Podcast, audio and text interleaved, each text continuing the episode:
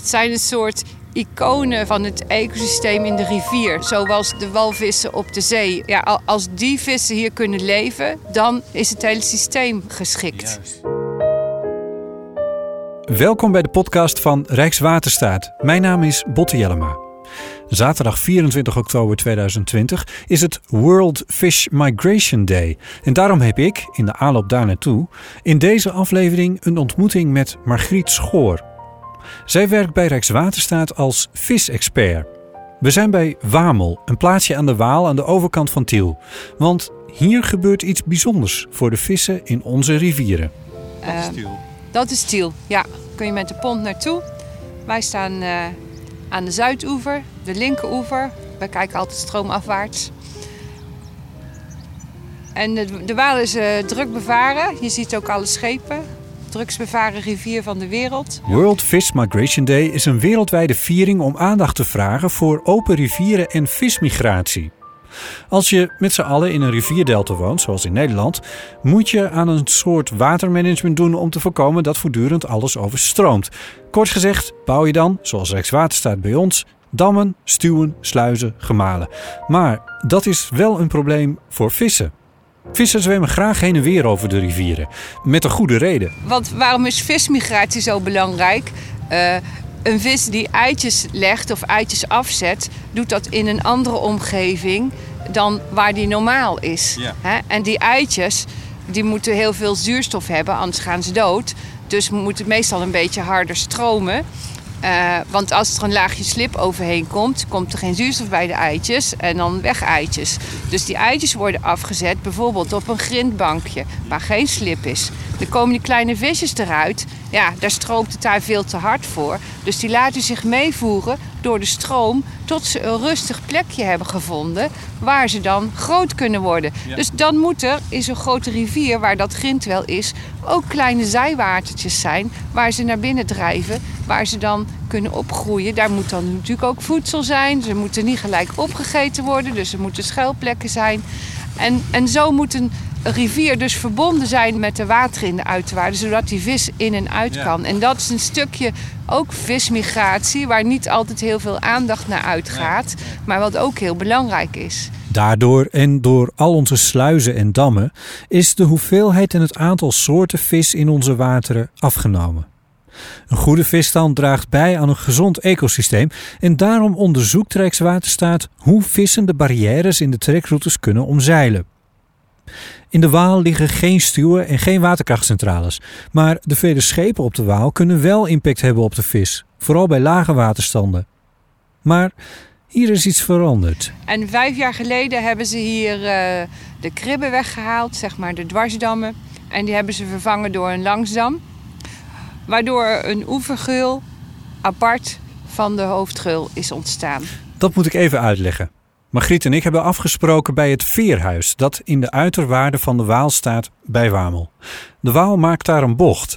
Over de lengte van een paar kilometer in deze bocht is de Zuidoever veranderd. In plaats van de bekende kribben, de stenen dammen die haaks op de zomerkade van de rivier staan, is hier een dam gemaakt die evenwijdig aan de rivier loopt. Zo ontstaat een tweede geul, een oevergeul, naast de vaargeul. Margriet legt het uit. En hier splitst het water zich eigenlijk.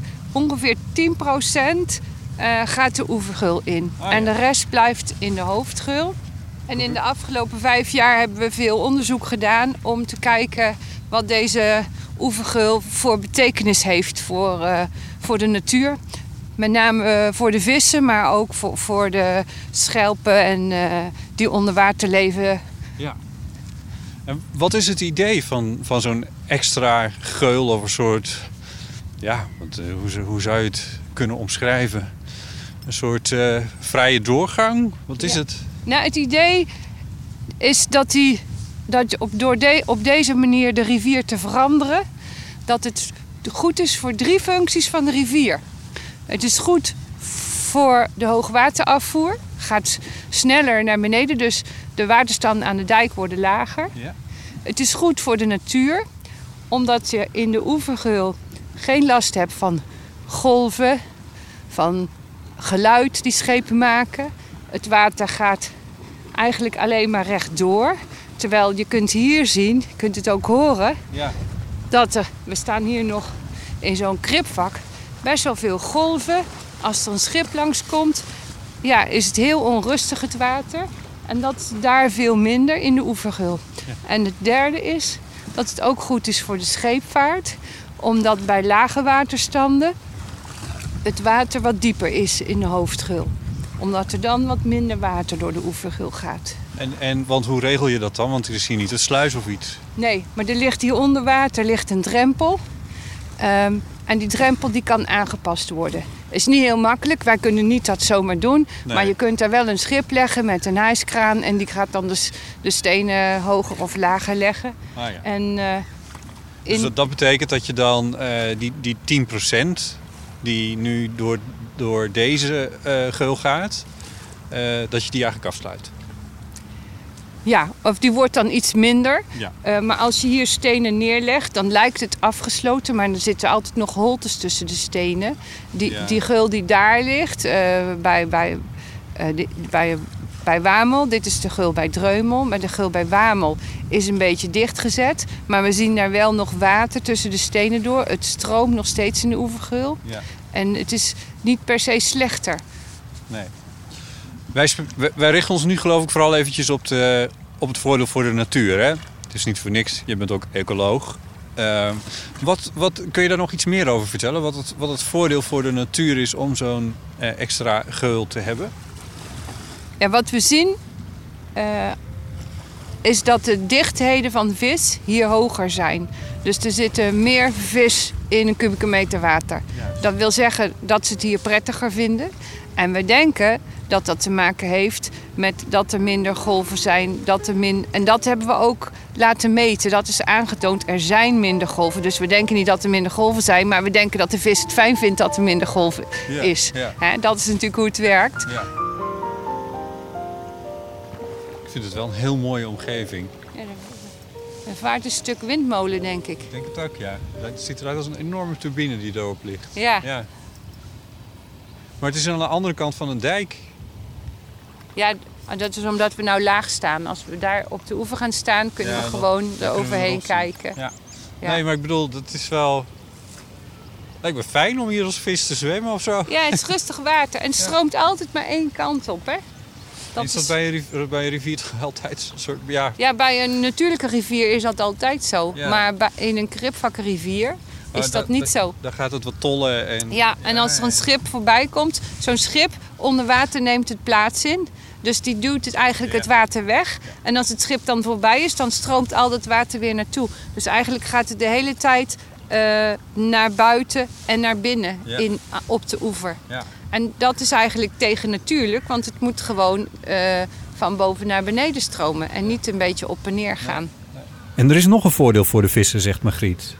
En, en dat er minder geluid is onder water. En dat hebben we hier wel geleerd, want daar waren we ons niet zo van bewust. Dat je onder water, als er zo'n schip langskomt, dat hoor je ook heel goed. En dat Ja. hoort zo'n vis ook. Waarom steek ik mijn microfoon dan niet even onder water, vraag je je misschien af. Nou, daar kunnen ze niet zo goed tegen. Maar ook als ik hem waterdicht zou maken, dan werkt een microfoon die gemaakt is om geluiden uit lucht op te pikken, niet voor geluiden onder water. Het is een geheel eigen wereld met een eigen type microfoons, hydrofoon genaamd. Goede onderwateropnames zijn niet eenvoudig om te maken. Om je toch een idee te geven, de Amerikaanse University of Rhode Island heeft een aantal opnames online gezet van vrachtschepen in het water op anderhalve kilometer afstand. En dat klinkt zo.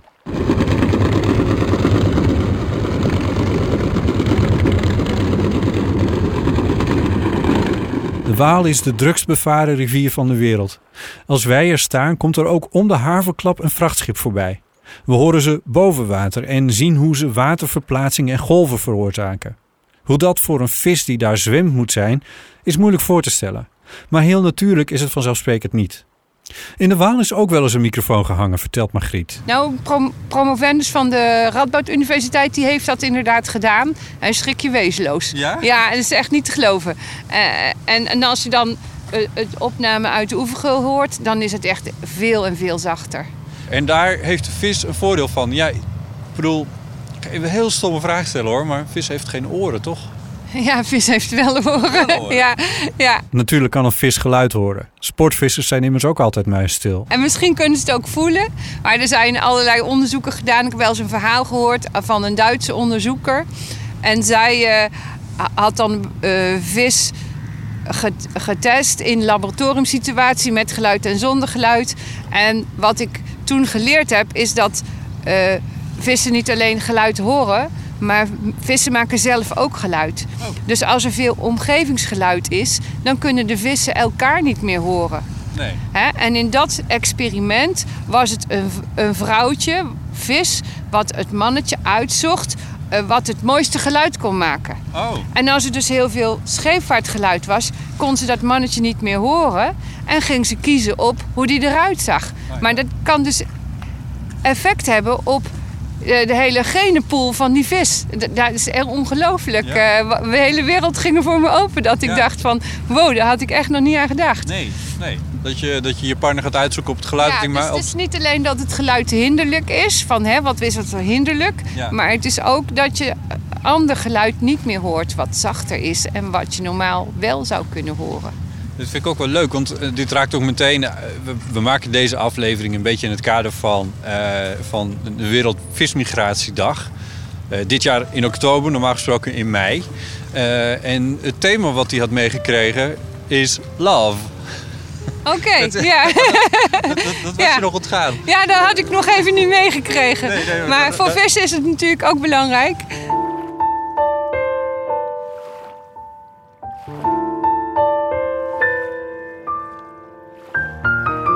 Dat is dus het idee van een oevergeul. Maar werkt het? Margriet heeft een paar methodes om daar inzicht in te krijgen. We lopen verder langs de oevergeul in de Waal. Ja. Kijk, daar zie je die kabels. Oh ja, die oranje aan de overkant. Ja, Hier zijn ze ook, maar hier zie ik ze even niet. Die kabels zijn een soort poortjes. Die liggen dus over de bodem van de geul. Ja. Elk jaar worden er uh, in de trektijd uh, worden bijvoorbeeld jonge zalmen in Duitsland uh, geopereerd. wordt een zendertje ingedaan. En dat doen ze in het voorjaar, want dan gaan die zalmen naar zee. Ja. Die zijn dan 20 centimeter of zo. En dan willen we weten hoeveel bereiken de zee, maar ook welke route nemen ze. Gaan ze door de Waal of gaan ze misschien uh, door de IJssel? Komen ze in het IJsselmeer? Ja, ja. waar is dan de zee? Ja. Nou, we weten inmiddels dat ze bijna allemaal gewoon door de Waal gaan. Dus ze kiezen blijkbaar waar het water het snelste stroomt. Okay, dus Zo kennen we de zalm weer. Ja, ja uh, er gaat twee derde naar de Waal, maar bijna 100% van de vissen gaan er doorheen. Dus uh, dat, dat. En je leert ook van hé, hey, er gaan er zoveel dood. Dat is natuurlijk ook logisch. Dus normaal dat vissen doodgaan. Ja. Want ze leggen heel veel eitjes. Ze hoeven niet allemaal heel veel zalmen te worden. Nee. Uh, maar je weet ook van hé, hey, nu heb ik wel heel veel verlies of zo. Ja. Maar wat we hier willen weten is eigenlijk gaat die zalm door deze oevergeul of gaat hij door de hoofdgeul? Ja, dus je hebt hier een kabel gelegd door de oevergeul of en je hebt ook een kabel door de, ja, hoe noem je dat, de overige geul of de, de, de Nee, dat hebben we niet. Nee, oh. want we hebben wel een stukje verderop een, een, kabel en die lag er al over de hele Waal. Oh ja, dus dan kun je gewoon... Dus we kunnen het verschil zien. En, Want anders is het weer duurder als we hier ook nog een kabel moeten leggen. Ja, ja, precies. Dus dan kiezen we de kortste afstand. En we een beetje, een beetje zuinig zijn, hè? en dat zijn dure kabels, hoor. Okay. En er zijn eigenlijk een soort uh, poortjes zoals je bij winkels hebt. Ja, een soort antennes eigenlijk. Ja. ja. en die vis heeft dan een zendertje. Ja. Uh, en elke minuut of twee minuten gaat er een signaaltje uit. En, we, en we kunnen dus elke individuele vis volgen van waar die uitgezet wordt oh. tot waar die terecht komt. Dus het is niet alleen een soort, uh, een soort totaaltellertje, maar het is ook nog eens een keer per vis kun je zien. Ja, dus en je kunt ook zien van nee, dit is een langzame vis of deze die blijft hier een beetje op en neer zwemmen. En ja, dat kan je dus allemaal ah, zien. En ze zwemmen ook op en neer? Ja, sommige wel. en er worden ook vissen op zee gezenderd. Dat zijn dan de grote. Uh, grote zalmen, grote elften. Uh, je houdt en, je hand nu echt tot 80 centimeter uit elkaar. Ja, dat klopt. Dat klopt. Ze zijn ah. wel groot. Ja. En, dan is het, en dan laten ze die voor het Haringvliet uh, los. Omdat nou hebben we de kier op het Haringvliet. Willen we ook weten of de vissen die kier kunnen vinden om stroomopwaarts uh, naar boven te zwemmen, naar Duitsland. Waar ze dan eitjes leggen, paaien noemen we dat. Ja, deze kabels liggen er nu anderhalf jaar. Dus we hebben nog niet zo heel veel gegevens ervan. Okay. Maar wat, kun je al iets zeggen over wat je wel hebt? Wat, wat je daaruit ziet? Ehm, dat het het ene jaar heel anders is dan het andere jaar. Ja, dat is dan altijd weer jammer. Oh, maar goed, gaan we nog even door. We hadden in 2019, uh, eh, ik denk 40% van de vis die bij Brakel zwom, zwom door de oevergul. Brakel is... Een stuk verderop. Ja. Dus waar de Waal weer ongesplitst is, stroomafwaarts. Dat wil zeggen dat in dat jaar uh, meer vissen dan water door die gul uh, gezwommen heeft. Want er gaat maar 10% water door en in dat geval 40% van de zalm. nou, dat is best wel veel. Ja. Uh, maar dit jaar was het ongeveer 8, 9% van de vis. Uh, dus niet, oh. niet heel veel meer dan nee. het water. Dus nu gaan we nog kijken van... oké, okay, waar heeft dat dan aan gelegen? Want het gaat natuurlijk ook om was er een afvoergolfje? Waar stroomde het water te hard? Wat voor temperatuur was het? En, en, dus het is niet elk jaar hetzelfde. Nee. Maar de, ja, de vraag is wel, gaan ze hier doorheen? Want als ze hier doorheen gaan, hebben ze in principe minder last. Door de oevergeul bedoel je? Ja, door de oevergeul ja. hebben ze minder last van een schip. Kunnen ze ook niet geraakt worden door een schroef of zo. Ja. Waarom, waarom willen we zo graag dat er weer zalm in de Rijn is. En die, uh, die andere vis die je net noemde. Elft. De elft, inderdaad. Ja, die ken ik niet eens. Maar ja, maar ook 80 centimeter, dus dat is indrukwekkend. Maar uh, waarom, waarom willen we die vis zo graag weer terug hebben in, uh, in de rivieren? Het zijn een soort iconen van het, van het ecosysteem in de rivier. Zoals de walvissen op de zee of de zeehondjes. het, het zijn ja, als die vissen hier kunnen leven, dan is het hele systeem uh, geschikt. Juist. En dat is een belangrijke... Canaries in de, in de, in de kolenmijnen? Ik, als je daar een kanarie in hebt dan, en, ze gaan, en ze vallen om, dan weet je dat je weg moet wezen, want dan is de zuurstof op. Uh, als je zalm hebt in je, in je rivier, dan zit het eigenlijk wel goed met hoe je met je rivier omgaat. Ja, zo, zo kan je het zeggen. Ja? ja. En er zijn meer vissen hoor dan zalm. Want zalm uh, vinden we ook belangrijk omdat we internationaal samenwerken in het hele stroomgebied van de Rijn. Dus met de Duitsers en de Zwitsers en de Liechtensteiners en weet ik veel. Nou ja, daar houdt het wel een beetje op. Uh, en de Duitsers die heb, doen ook veel dingen. Wat ik net zei, zij zetten ook zalm uit. En zij willen dan ook wel weten dat, dat wij goed met onze rivier omgaan. Ja. Of uh, al vissen kan er niet door het Haringvliet heen. Nee. Landen hebben toch de neiging om elkaar de schuld te geven. En door dan samen te werken in zo'n internationale rijmcommissie en samen het onderzoek te doen, uh, ja, dan kom je wat beter tot elkaar. En soms worden ook je ogen geopend door de buren die je ergens op wijzen. Ja? Ja, dat denk ik wel. Kun je een voorbeeld geven? Nou, uh, een paar jaar geleden leek het erop dat de kier toch niet door mocht gaan. Het haringvliet. Het haringvliet. En toen zijn de Duitsers heel erg boos geworden op de minister. Ja. En toen is de minister toch maar weer omgekeerd. En mocht het toch nog weer wel. Nou heb je hier die antenne doorheen liggen, hè? die rode kabel. Uh, waarmee je de gezendende vissen kan um, meten. Dan kan je zien wie er was, die weer terugzwom. Ja, welk nummertje. welk nummertje. uh, maar uh, je, je, je zendt het natuurlijk bij lange na niet alle vissen. Hoe, ja, ik bedoel, je kijkt naar de oppervlakte van het water en dan spiegelt de lucht erin. Je kan het niet, je kan het niet zien natuurlijk. Maar hoeveel vis hier zwemt. Gaat hier nu voorbij, ja. Ja, dat is heel lastig. Om, dat kan ik ook niet zeggen. Nee, nee. ze laat ook niks achter. Nee, en dit is overdag. Pootafdrukjes dan... en geen... geen... het moment is najaar, dus de paling gaat naar de zee. Die elft gaat ook naar de zee. Die is al naar de zee waarschijnlijk. Ja. Um, als het nu wat water wat stijgt van de week, dan komt er wel wat paling mee. Dat, dat, dat weet je wel uit ervaring, omdat er af en toe doe je dan zo'n proef met uh, dat je gaat vissen. Maar hoeveel vis, ja, daar moet je toch voor vissen. Ja. En dan kom je dat te weten. Ja. En dan zet je dat, dat, doen jullie ook toch, vissen? Meestal vissen we met netten die, die met een klein bootje worden rondgevaren. Ja. En dan reken je uit hoe groot dat net was. En dan kan je dus zeggen, in zoveel vierkante meter water zat er zoveel vis. En zo kan je ook vergelijken dat dat er hier in die oevergeul uh, meer vis zat dan op dezelfde dag in een kripvak hier niet zo ver vandaan.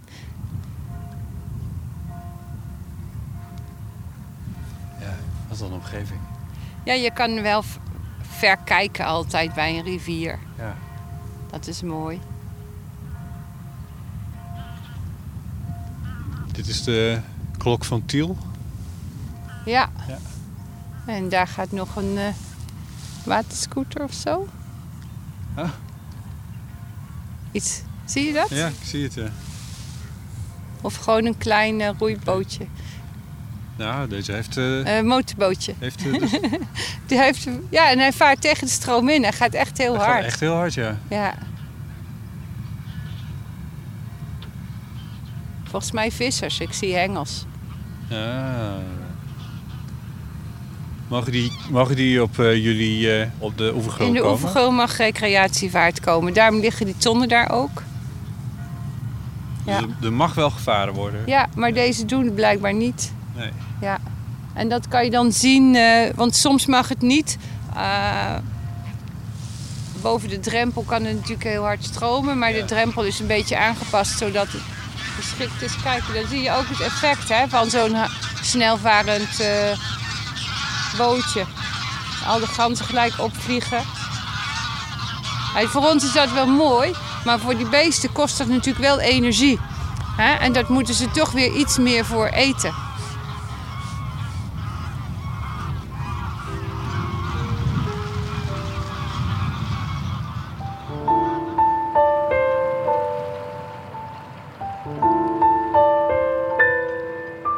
De oevergeul is een fijne plek voor vissen, fijner dan de kripvakken. Dat weet Margriet zeker. Samen met de andere maatregelen draagt de oevergeul bij aan het toenemen van het aantal verschillende vissoorten in de Nederlandse rivieren. Maar we zijn er nog niet. Wat is nou je, je droom voor, voor de vissen in onze rivieren? Je toekomstdroom? Ja, dat echte riviervissen. Dus niet alleen zalm en zeevogel, maar ook sneep, serpeling, barbeel. Uh, dat, dat die er gewoon weer heel veel zijn. Dat, dat die, ja, misschien niet de meerderheid, maar, maar wel uh, ja, 50% of zo zouden innemen. En dan is gewoon een heel goed teken dat je, dat je, dat je genoeg plekken hebt waar ze zich thuis voelen. Ja ja. En verder natuurlijk hoop ik dat, uh, dat de vis dan niet te veel afneemt. Want op dit moment, we zien de soorten wel terugkomen, maar met de aantallen gaat het nog helemaal niet zo goed. Nee. nee. Dus we hebben dus ook een heel groot onderzoek doen we in uitwaartwateren om te kijken hoe die dan functioneren. Maar de, de, de visserij die we elk jaar doen, al sinds 1996, daar zien we nog een, een dalende trend. Dus dat is eigenlijk wel uh, ja. slecht. Ja. Uh, en we weten niet zo goed hoe dat komt. Proberen we wel achter te komen.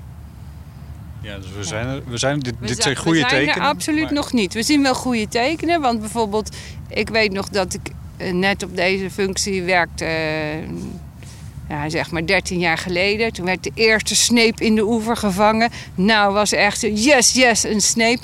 En nu in het grote onderzoek is die geloof ik uh, van, uh, komt die gewoon uh, op heel veel plekken voor. Dit jaar was een heel goed jaar voor de sneep. Nou, daar word ik dan wel blij van natuurlijk. Ja. Hè? Nog even ook weten waarom dan, hè? want dat weten we nog niet. maar daar is altijd wel wat nog te leren. Ja. Ja, dus het, het, gaat van de ene kant zien we hele bemoedigende dingen. Ook dat we in, toen we hier met die grote schip lagen, dat we en zalm vingen, zeeforel, houting, elf. Nou, daar had je vroeger nog niet van gehoord. Uh, en dat zwemt er dus wel allemaal. Uh, ook de sneep, de barbeel, echt. Ja, alle doelsoorten die we hebben willen vangen, die hebben we gevangen. Nou, hoe, hoe leuk wil je het hebben? Dat is gewoon hartstikke leuk. Uh, maar toch de trend in hoeveel er dan uh, van zwemmen, die is nog niet zo. Ja, die moet nog wel een beetje omkeren. Ja. ja. Nog genoeg te doen. Genoeg te doen, ja, en te leren. Ja. ja.